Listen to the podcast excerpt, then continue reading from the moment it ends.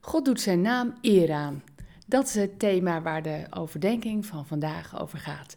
Maar voordat ik je daar naartoe meeneem, wil ik je eerst een vraag stellen. Ben jij klaar voor het Pinksterweekend? Want dit jaar loop ik Wonderjouw en Opwekking samen op naar Pinksteren. De afgelopen weken zijn in de live-uitzending van Ik Wonderjouw de hoofdsprekers te gast geweest. En alle live-uitzendingen kun je terugkijken op YouTube. Echt een aanrader. Maar ik heb leuk nieuws. Ik, Wilma, zal spreken op de Pinksterconferentie van Opwekking. Ik zal het hebben over wat doe je met een kilo crisis op je bord. En dan ga ik je meenemen in de drie minuten regel.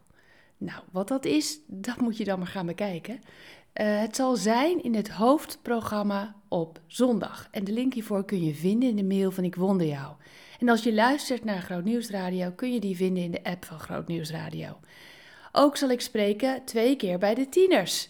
Uh, op zaterdagochtend om 11 uur en op maandagochtend om 11 uur. Ook die link kun je vinden in de mail van Ik Wonder Jou en bij Groot Nieuws Radio ook in de app.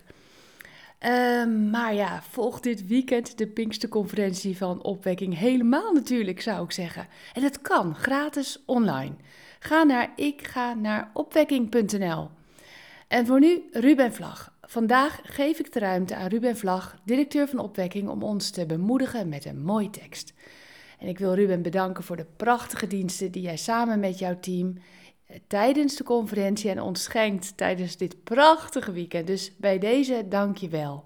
Ik ben zo blij dat je bestaat. Hey, wil je meer weten over de conferentie? Kijk dan even onderaan de tekst van de overdenking van Ik Wonder Jou.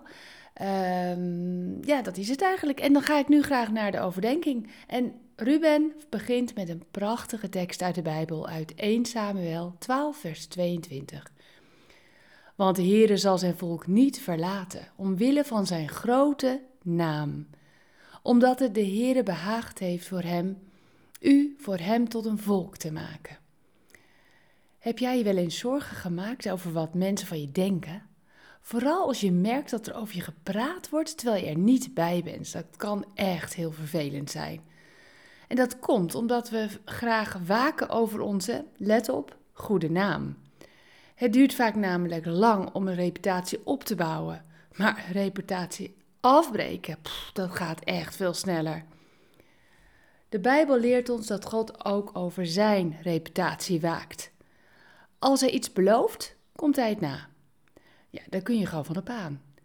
Zoals bij het volk Israël bijvoorbeeld. Hij zal ze niet in de steek laten omdat het zijn volk is. Hij doet dat ter wille van zijn grote naam. En wij mogen door Jezus nu ook bij het volk van God horen. Dus dit, dit gaat ook over ons.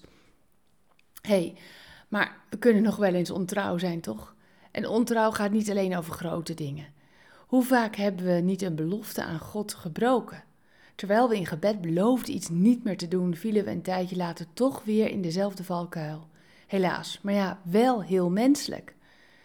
Maar bij God is dat anders, want Hij is trouw, altijd. En trouw is niet alleen een eigenschap van Hem, het is wie Hij is, Zijn essentie. Hij kan niet ontrouw zijn. Dan zou Hij ophouden God te zijn. En dit mag onze troost en hoop zijn. Ook al zijn wij ontrouw, Hij blijft Zijn beloftes, Hij komt Zijn beloftes altijd na ter wille van zijn grote naam. Hou je daar maar aan vast.